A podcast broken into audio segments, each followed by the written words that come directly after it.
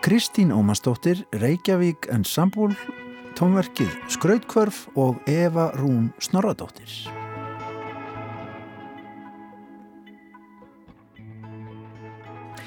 Gauti Krismánsson rínir í Víðsjá í dag í skáldsöguna Svanafólkið eftir Kristínu Ómarsdóttur, bók sem að fjallar um Elisabetu sem að starfar hjá leinilegri sérdeild innan ríkis ráðuneytisins og er við það að uppgötva nokkuð sem mun koma öllu lífi hennar úr jafnvægi.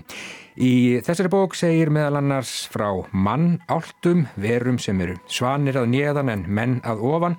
Kristín leiðir lesandan meðal annars inn í Dölarfullt fyrðuríki sem fáar sögur fara af. Meira um þetta í Víðsjá í dag. Marja Kristjánsdóttir fjallar í dag um leikverkið Opening Ceremony, opnunarháttíð sem nýtt sviðslistafyrirtæki Reykjavík Ensemble frumsýndi í Tjarnarbíói í síðustu viku.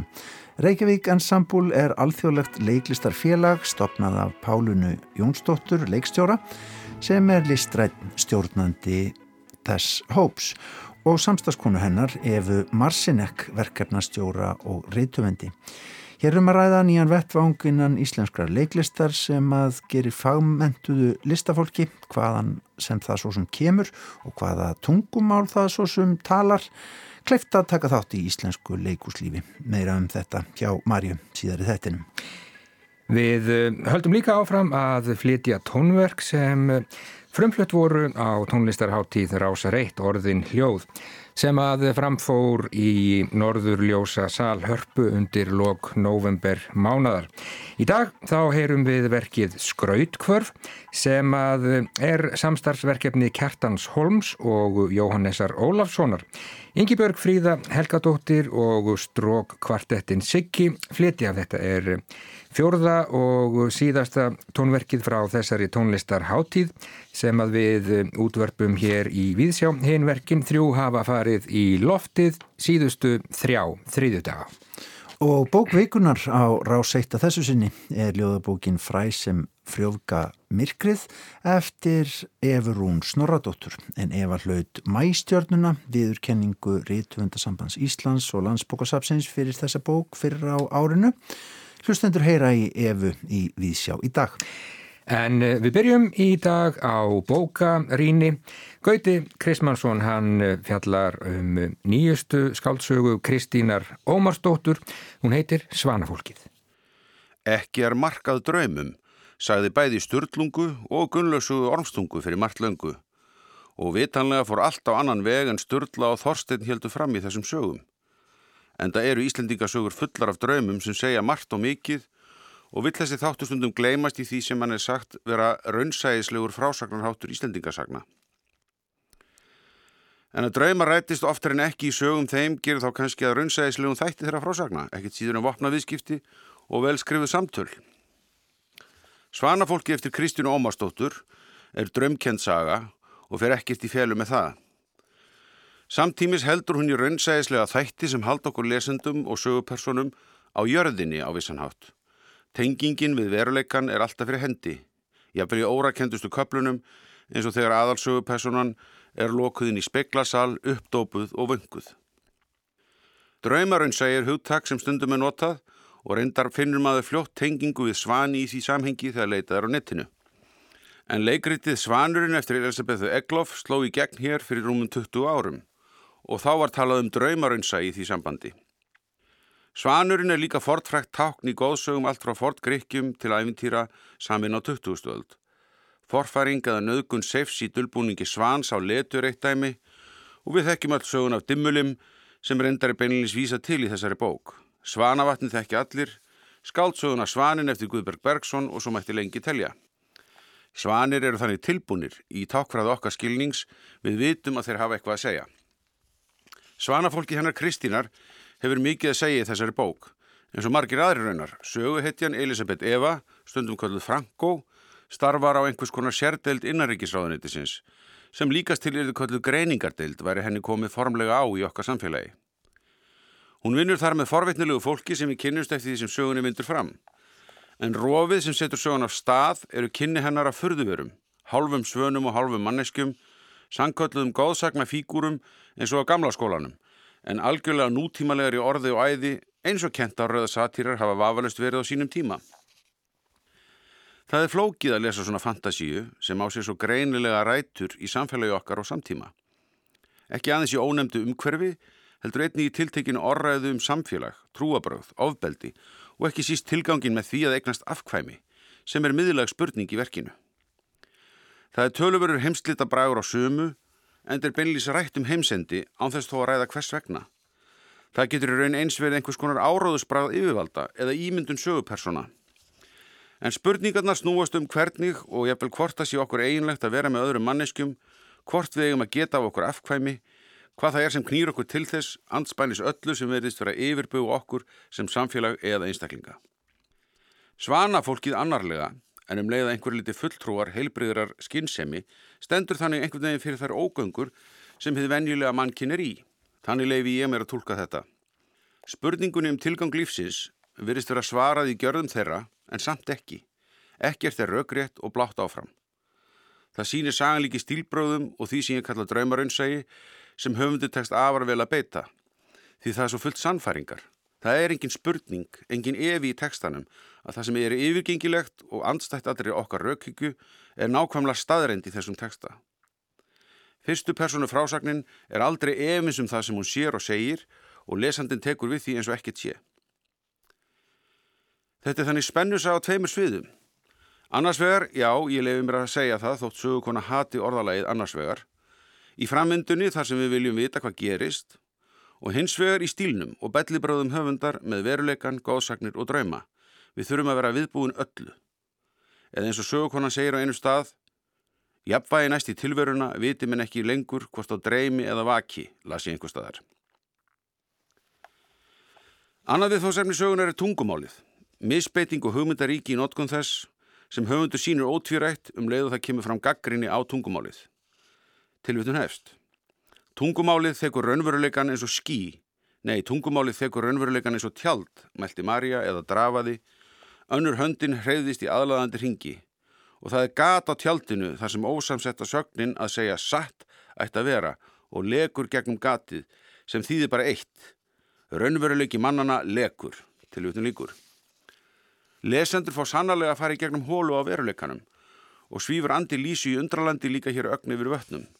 Og þá kannski heldur setnisagan Through the Looking Glass eða gegnum skuggsjána með vísun Lewis Carrolls til fyrrabrefs Páls Postula til kórundumanna þar sem segir Nú sjáum við er sem í skuggsjá í ráðgátu og ætti samtalið við Guð í einum kaplanum að staðfesta það nokkuð vel. En það má spyrja sig eftir lesturinn sem ég held að þurfa að fara fram aftur til að undsí að meta söguna til fulls. Er hægt að eiga samtalið við Guð eða þá aðra menn? Það verðist nokkuð snúið, þráttur í nokkur tilgeralaus fremur en einlag samtala á yfirborðinu. Æfinlega lendir sögukonan á vekk ábeldis eða yfirgangs og það er harmur þessara sögu. Það verist engin leið til annara manna eða svana. Ekkert dýr og í lokin verist yfirborðið hafa nátt til sín öllu í hamingjusumum endi sem engin er. Hráslalega írónía sem svara nokkuð einlegri viðleikni sögukonunar til að ná til annars fólks án árangurs. Og er hún kannski heldur ekki alveg alsaklaus sjálf. Við skinnjum sem sagt bjart sína bölsíni í teksta sem tengjur okkur við mörg likilverk heimsbókvendana sem við getum reynd að týna til með mismikilli fyrirhöfn. Skáldið er greinlega í samtala við marga og margar. Það verður áraðanlega gaman fyrir bókmyndafræðinga framtíðar að kljástu það eins og margt annað í þessari bók. En hvað sem öllum áum svanafólksins hennar Kristínar Ómarsdóttur líður, þá tekstinni með stílgaldri og fullkominni samfæringu að leiða lesendurinn í draumaheim sem er svo raunverulegur að við vitum ekki hvort þetta er martröð eða skjálfileg martröð. Þetta er dystopía sem þykist fjarlægi okkur veruleikanum um leið hún endur speklar hann á hrottlegjandi hátt. Þetta er eins og lesandin sé Dorian Gray sjálfur og það sé farið að líða á söguna. Það er ekki fallegt, ekki lengur, en fegurinn er þarna, það þarf að finna hana. Hún var þarna eins og hjá okkur öllum við fæðingu. En látum okkur samt dreyma, það er kannski það eina sem eftir er. Já, ekkert eh, eftir eh, nema draumurinn kannski það Göti Krismansson og um, nýjasta skálsaga Kristínar Ómarsdóttur, Svanafólkið.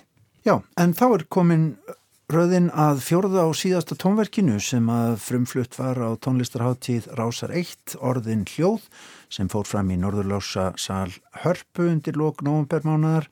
Hinnverkin þrjú höfum við heyrt hér í Víðsjá undanfarna þrjá þriðudaga en í dag heyrum við síðasta verkið, það heitir Skrautkvörf en var samstagsverkefni vinnanna Kjartans Holm og Jóhannesar Ólafssonar.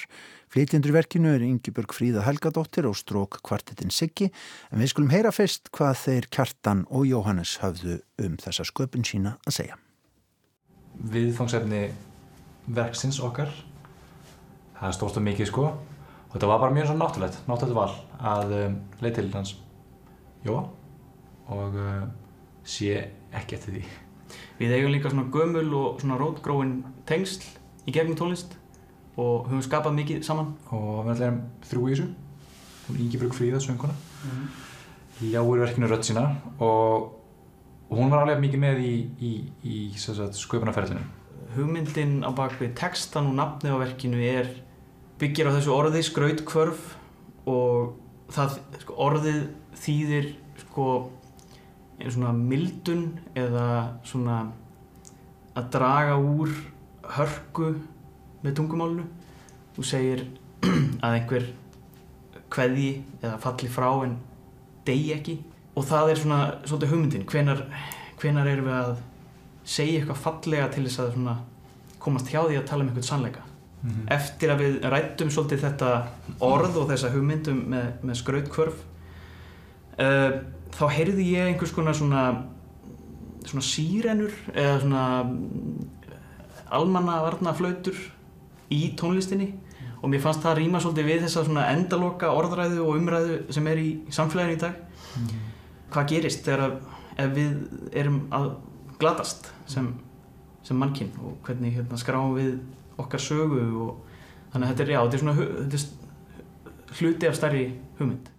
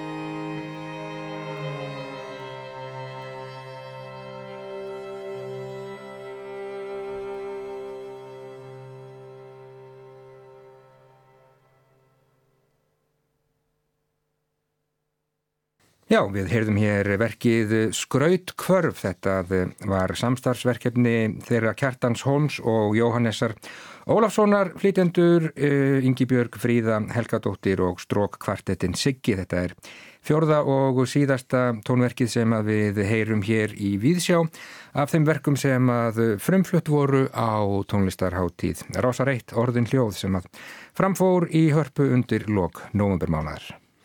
Þá ætlum við að huga að leiklist og leikhúsi og leikhúslífi á Íslandi ef úti það er farið. Því að nýtt fyrirbæri Reykjavík Ensemble leiti dagsins ljós í Tjarnarbíói 11. desember síðastliðin þegar að þar fór fram opnunar háttíð hópsins sem var eins konar leiklistargjörningur litið er á opnunar háttíðina sem upphafa á langtíma verkefni. Það eru þær Pálína Jónsdóttir og Eva Marsinek sem að standa að verkefnu en okkar kona í leikhúsinu Marja Kristjánsdóttir fór á hátíðina. Þegar ég á þriðdægum var kom inn úr bruna gattinum í stappað andirið á Tjarnabíói á stopnháttíð alþjóðlega sviðslista hópsins Reykjavík Ensemble þá streymdi á móti mér svo mikil gleði og kátina að mér var strax aftur lít. Oft hafa verið margir þar en aldrei sem þá og aldrei hef ég hýrtar jafn mörg tungumál hljóma. Allt í einu tilheyrði ég bara jáðarhópi, kannadist við örf á andlit, heyrði hverki íslensku og vissi eitt andartak ekki hvaða tungumál ég ætti að tala við stúlkuna í miðasölunni. Það æfintýri sem leikstjórin Pálina Jónsdóttir og pólska skáldið Eva Marsinek lögðu úti fyrir nokkrum vikum að frumkvæði Pálinu byrjaði sem sagt í andirinu fyrir þann sem getur rækkið ættir sína til Jóns Arasonar eins og flestir innfætra í þessu landi. Það var eins og allir innflýtjadöndnir okkar væri mættir og segði við eigum heima hérna rétt eins og þú skemmtir þér nú með okkur og ég skemmti mér svo sannarlega. Alveg frá uppafi þegar leikararnir, söngvararnir, dansararnir faldir aftast í myrkur og reik á sviðinu liðuðust fram til okkar áhörvenda eins og úr nokkus konar einskismannslandi og urðu sínileg í öllum sínum fjölbreytileika. Klætt í ákallega fallega svarta og hvita búninga úr smiðju pálinu kynntuðu sig með nafni, leikararnir 13 og svo valtgjörningurinn að stað þegar að Jördis Flórentíne Ríkter lýsir yfir þeirri hamingu að hún sé ólétt og hún og hinn er leikendur hverast á eins og hjá gríkjundu forna um hver sé fadurinn og tengsl þeirra tveggja. Í gjörningnum er púslað saman í eina síningu brotum úr fjórum verkum eftir pólsk, amrisk og íslensk gáld. Hvert og eitt þeirra er draumur. Draumur um framtíð hins nýstofnaða leikóps Reykjavík Ensemble. Að leikópnum takist í náinni framtíð að setja hann á svið. Leikstjónin skapar að fagmennsku ákallega fallega og stöðugt áhugaverða heild úr þessum ólíku brotum með frumlegri lýsingu, reyfingamönstrum, tónlist og söng. Við upplifum kvundag innflytjanda, þáttir í atvinnulífinu eða hverja haldiði að framleiði frá A til Ö íslensku pakkakjötsúbuna. Við upplifum harmræna fortíð sumra, húmor þeirra, baráttu þeirra við að tjási og íslensku, halda í vonina í erfiðu umhverfi, sköpunagleðina, haminguna. Og þarna í námdini sem einungis leikhús getur skapað verða allir í rýmunum allra þjóða kvikindin, leikendur og áhörfundur, óskup einfallega einn sál. Þetta er afreg, því ekki eru allir á sviðinu, já framúrskarandi leikarar og Jordis Florentíni, eða eiga auðvelt með enskan framburð, en enska er ríkjandi tungumáli þar. Þó pólsku, spænsku, íslensku og þísku bregði þar einnig fyrir. Mér langar til að læra pólsku, hugsaði ég á heimliðinni. En í hugleiti einnig hvort ekki væri rétt að bjóða þungmannum vorum og ríkistjórn á síninguna í þeirri von að þeir sæju ljósið og stór eldu framlögsinn til sjálfstæðra leikópa og engum leikópsins Reykjavík Ensemble. En ég held að þessi búri von. Þeir hafa nóg að gera við að hlúa að auðstjettinni. Þjóðleikúsi gæti kannski opnað eitt sviðar sem að vera leikópunum, hugsaði ég líka. En kom svo lókum að þeirri nýðstöðu að almenningur í landinu væri eitt þess megnugur að gera drauma Reykjavík ensemble að veruleika. Okkur yrði varla skotaskuld úr því. Höldum við ekki björgunarsveitunum uppi með fjárframlegum og hér er líka um líf og dauða tefla. Líf vonarinnar draumsins um að eitt sinn verði allir menn á jörðinni vinir.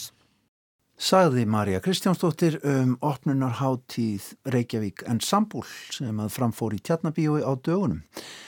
En er ykkur það að koma jól hjá já, okkur og landsmönnum flestum og kjöllum? Já, ég held að það sé bara slett vika í það, er það ekki? Jú. Tímin líður. Já. Já. Við höfum nú ekki, við höfum verið sparsamir á að spila jólamúsik í þessum tætti eins og kannski oft áður en eitt og eitt lag höfum við týnt til. Uh, þú komst mér alltaf inn á bræðið með, með lag sem ég þekki bara ekkert. Já, um, kannski spilum við eitthvað á morgun og hinn það er skemmtilega að spara þetta fram á, fram á síðustu daga en já, ég hef mætur á lægi sem kom út á plötu árið 2012 myndi ég halda það er lag sem að heitir bara Jól ef ég mann rétt og það er með íslenskri hljómsveit sem að heitir Brother Grass og uh, ég held að uh, þessi hljómsveit eigi nú að mista ákosti að einhverju leiti rætur að reykja norður í Svarfaðardal Já, þetta er svona blúgrass að norðan Já, þetta er mjög fallegt og ég fett fyrir þessu bara um leið og ég, ég heyrði þetta og, og, og spila þetta alltaf á, á aðvendunni. Já, lag sem það heitir Jól. Það er eftir uh, Örn Eldjárn Kristjánsson en textahöfundur er Kristján Eldjárn Kristjánsson. Er það ekki rétt hjá mér? Þú erum með þetta fyrir fram að þig. Jú, það er rétt. Við skulum heyra útkomuna. Heyrum Jól.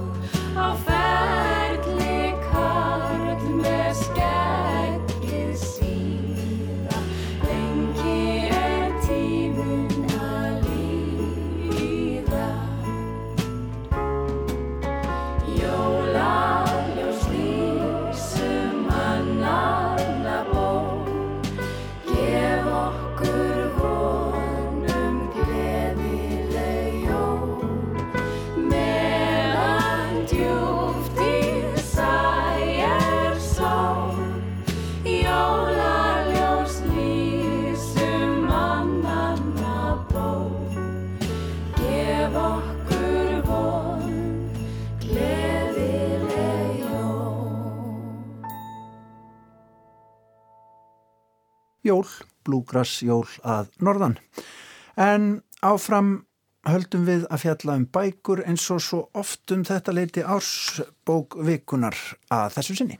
Já, bókvikunar hér á Ráseitt að þessu sinni er ljóðabókin Fræ sem frjófka myrkrið frá árunnu 2018 sem að er þriðja bók Efu Rúnar Snorradóttur. En hún hefur vakið aðtekli fyrir beinskeitt ljóð sem leikja ofta á mörgum ímissa forma eins og sviðsetningar og um, örsagna. Ef að hún fekk uh, mæstjörnuna ljóðavelun Ritöfundasambandsins og landsbókasapsins í fyrra fyrir þessa bók fræ sem frjófka myrkrið, Jórun Sigurðardóttir hitti Efu Rún. Þessi bók er í tveimur hlutum. Fyrir hlutin fjallar um sólastrandaferð ungra kvenna og setni hlutin fjallar svona um reynslu kvenna í svona víðara samhengi. Fyrir hlutin uh, spratt upp frá minni eigin reynslu af sólalandaferð þegar ég var 18 ára. Þá fór ég með vinkunum mínum á svona sólaströnd og það var svo ferleg ferð að það var ekki talað um hana í 15 ár og svo svona um leið og við vinkunum fórum svona að minnast á þessa ferð að þá bara gerðist eitthvað, ég fór að, fór að hérna, vinna úr þessari reynslu bara með því að skrifum hana. Og ég fann bara þegar ég fór að tala um þetta að, að það tengdist og rosalega margar aðra konur sem að hafðu upplifað svona slíka ferð. Og hún er svo traumatísk sko í rauninni bara eiginlega bara svona eins og leikús grimdarinnar bara að vera á þessum stað og upplifa þennan stað og svona gildin. og stemninguna var svo mikið áfall fyrir úlinga og, og ég vann þetta þannig að ég hérna, leitaðist eftir konum á hérna, öllum aldri semst, sem höfðu farið í þess að ferða ekki bara á þeim tíma sem ég fór. Og fekk alveg, það voru fullt af konum sem höfðu samband við mig. Og ég tók viðtal við nokkra konur og vann svo efnið bara, það, ég notaði það sem svona innblástur. Og setni hlutin, hann var til svolítið setna en þannig að fyrir hluta er ég búin að vera að vinna að í rosalega mörg ár. Þá var mjög erfitt að koma þessu efni í ákveð form. En það var eitthvað neyningi fyrir en ég fór að samnýta sviðslistar. Þá gerðist eitthvað þegar ég fór að vinna með þessi viðtöl og fór að nota svona vinnuaðferðir sem ég nota við að búa til sviðslistaverk. Og þá einhvern veginn fann ég eins og einhvern svona farveg í svona eins konar sviðsetningu. Fyrsta uppkastið þessari bók var svona frekar raunsætt skrifað og það var bara svo gróft að það var einhvern veginn bara ekki hægt. Maður fekk bara svona ílt í magan af því þannig að það vantaði eitthvað svona absúrt element og ljóðurænu og ég leitaði bara svolítið lengi að því gerði svona alls konar tilrönnir og þá kom þetta sem ég fannst henda svolítið vel því að ég vildi gera svolítið óljóst sko hvað er í fortíðinni og hvað er í, í nútíðinni út af því að líka minn fattar ekki tíðir og áföll eru bara alveg jafn mikið bara núna og fyrir 20 árum Kaplið 2 Ung kona með trúðsandlit talar í símaklefa sem einu sinni stóð á fjölförnum stað. Halló, halló, heyrist í mér? Ok, er þetta landsbítalinn áfallamiðstöð? Já, ég þarf að panta hjá þér áfallahjálp. Hvað? Hm. Ég er að ranka við mér eftir eitt aflíðandi áfall. Fyrir nokkrum árum, áratögum, þúsund árum. Fyrnt. Hvað meinaru? Ég hef aldrei geta komið innan þess tímarama. Ég hef bara fatta núna fyrst að þetta er áfall eða áföll. Ég vissi það bara ekki. Halló? Fokk. En svo er það síðari hluti bókarinnar sem er öllu gleðilegri. Þetta er í rauninni kannski tvær bækur eða er þetta tvær hliðar á sama peningi? Já, það má segja það sko.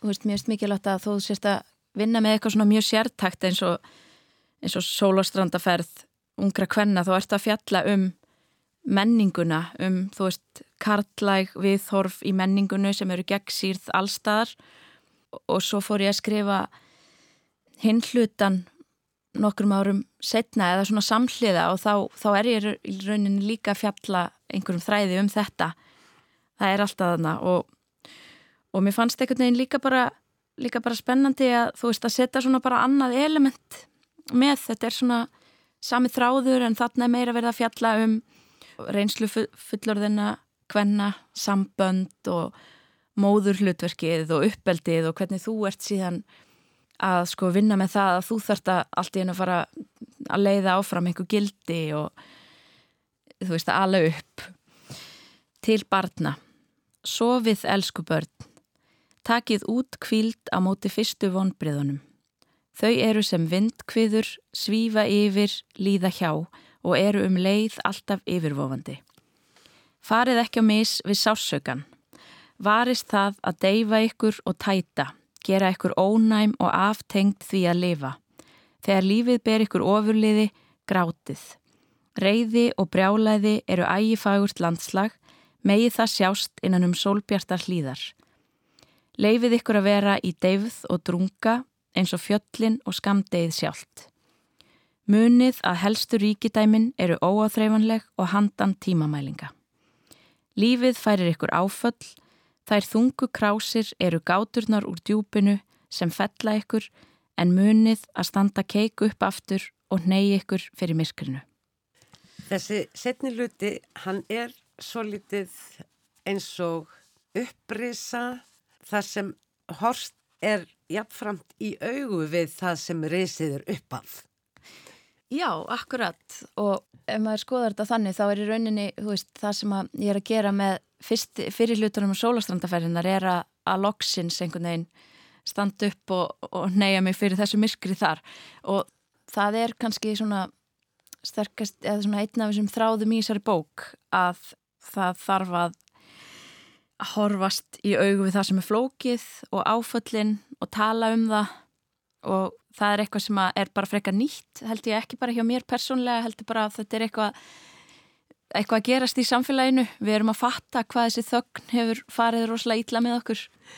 Þessi setni hluti er líka óður til hverstastlífsins og að ég tala nú ekki um þetta er vinátt að kvenna undirliggjandi alltaf.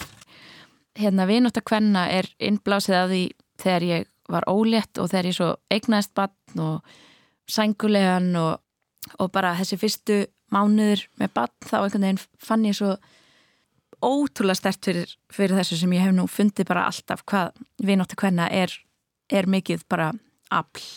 Við tölum um sviðsetningar í samband við fyrir hlutan og tengslum við leikúsið. Í setni hlutanum er einnig stök ljóð en líka myndir, ljósmyndir. Einmitt, ég hef búin að vera að sapna ljósmyndum sem ég tek sjálf í daldinn tíma og það fangar aðtilli mín sem er svona fáfengilegt og fallegt í svona deburð sinni, ef svo má segja og mér finnst það einhvern veginn vera svona eins og okkur svona leifar af einhverjum raunveruleika sem er kannski alltaf að hlaupast undan skilgrinningum Þú lítur á þessar myndir sem ljóð, er það ekki? Jú, þetta eru, eru ljóð Mér langar nefnir hún að byggja þeim að lokum að lesa þetta fallega ljóð Vináta Kvenna. Vináta Kvenna. Ég gæti þín á flugvöllum þegar þú hefur tekið inn pillurnar við flughræðslunni og veist ekki lengur hver þú ert. Drösla þér og töskunni þinni um svo hvoru ykkar týnist. Þú býðu mér opna krukku af nefea dagkremi sem látin amma þín skilur eftir sig verður örlíti móðguð þegar ég segi sama á þegið en allt er glemt dæin eftir. Ég er aðframkomin af legslímuflakki í matarbóði hjá kunningum, missi saur af verkjum, þú skeinir mér, þrýfur hægðirnar, snurfusa mig fum laust án þess að setja kunningjana inn í málið. Á skóla árum okkar sendi ég fyrrum kærasta þínum sem hafi farið ítla með þig SMS If you ever come near the library again, I will destroy you. Ég verð svo hærð þegar ég sé nýfætt barnið þitt að það líður yfir mig á stofugólfinu og ég ranka við mér þegar fadir þinn býður mér vasklas. Móðir þín prjónar á okkur rík fullornar konurnar, alveg eins ullarpeisur og gefur okkur í jólagjöf. Þú kemur til mín á setni hluta meðgöngu með opna túpu af kremi við gillinæð. Taktu hana, hún bjargaði mér. Ég fæði barn í peisunni þinni. Þvæja af henni blóðið áður en ég skila henni. Hér gildir ekki á meðan byrðir endast. Vináttakvenna er eilíðarvél. Innra gangverk allra samfélaga. Vináttu okkar halda engin mörg, engin landamæri, engar umferðareglur, engin skriffinska, bóðorð eða lóðamörk. Við gefum og öðlumst það sem við gefum. Hér er ekkert bókald, engar skuldir, engar afslættir. Við ljósmyndum ölvaða hamingju hver annarar. Vísum leiðina út úr eigðumörkum ástarsambanda og niður yfir kvestasins. Drögum hver aðra út úr lamandi miskri sem við þekkjum sjálfar. Byggjum hver aðra upp eftir eigin verkverum, eftir okkar eigin gildum, eigin miðju, eigin rökum. Þessi hreina orka verður aldrei beistluð, smækkuð, nýtt til stórkallalæra verka.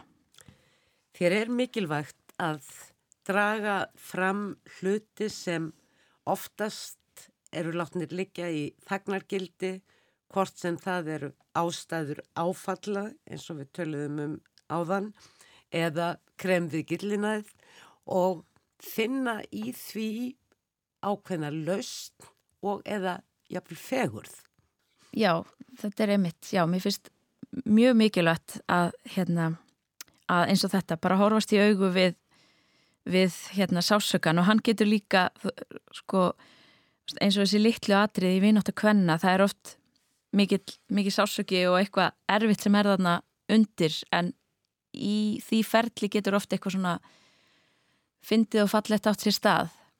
Og mér finnst til dæmis eins og bara svo margt í tengslum við reynslu heim kvenna sem að hefur bara ekkert verið fjallað um og ótrúlega lítið jafnvel verið skrifað um því að þú veist, heimur okkar er svo kartlægur ennþá og við erum svo gegn sýrðað í hvað þykir merkileg reynsla og hvað þykir svona verðt að skrifum og lesum og svona. Eins og hérna meðganga fæðing, sængulega og allt þetta ég var og bara brjóstakjöf ég bara, ég bara gat ekki hægt að hugsa um hvað er absúrt að ég hafi ekki lesið margar skaldsögur og, og ljóðabækur og, sem fjalli um þetta Jórun Sigurðardóttir rætti þarna við Efurún Snoradóttur. Jórun rættir í þættinum bókvikunar hér á Ráseitt á sunnudagsmorgun fræ sem frjóðka myrkrið. En gestir Jórunar verða einar Kári Jóhansson, bóksali og bókaútgefandi og Jóhanna Fredrika Sæmundsdóttir, leikona og handrýtshöfundur. En þetta er búið hjá okkur í dag, Eirikur. Já, þetta er búið í dag. Við verðum hér aftur á morgun, löst eftir klukkan eh, fjögur. En eh, tónlistarmadurinn Ásgeir Magnús Sæmundsson, betur þektur sem Geiri Sæm, andaðist á heimili sínu í Reykjavík á sunnudag 50 og 5 ára að aldri. Við ljúkum við sjá í dag nákvæmlega svona, blessuð sé minning, Geira Sæm, verið sæl. Verið sæl. Eitt skot í aftur sæti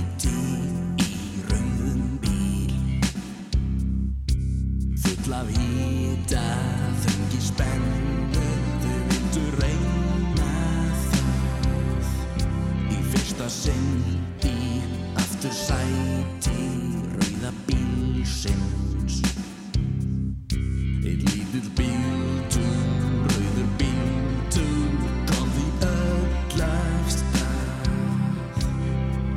Ástir í aftursæti Áttu svar við í aftursæti í rauðum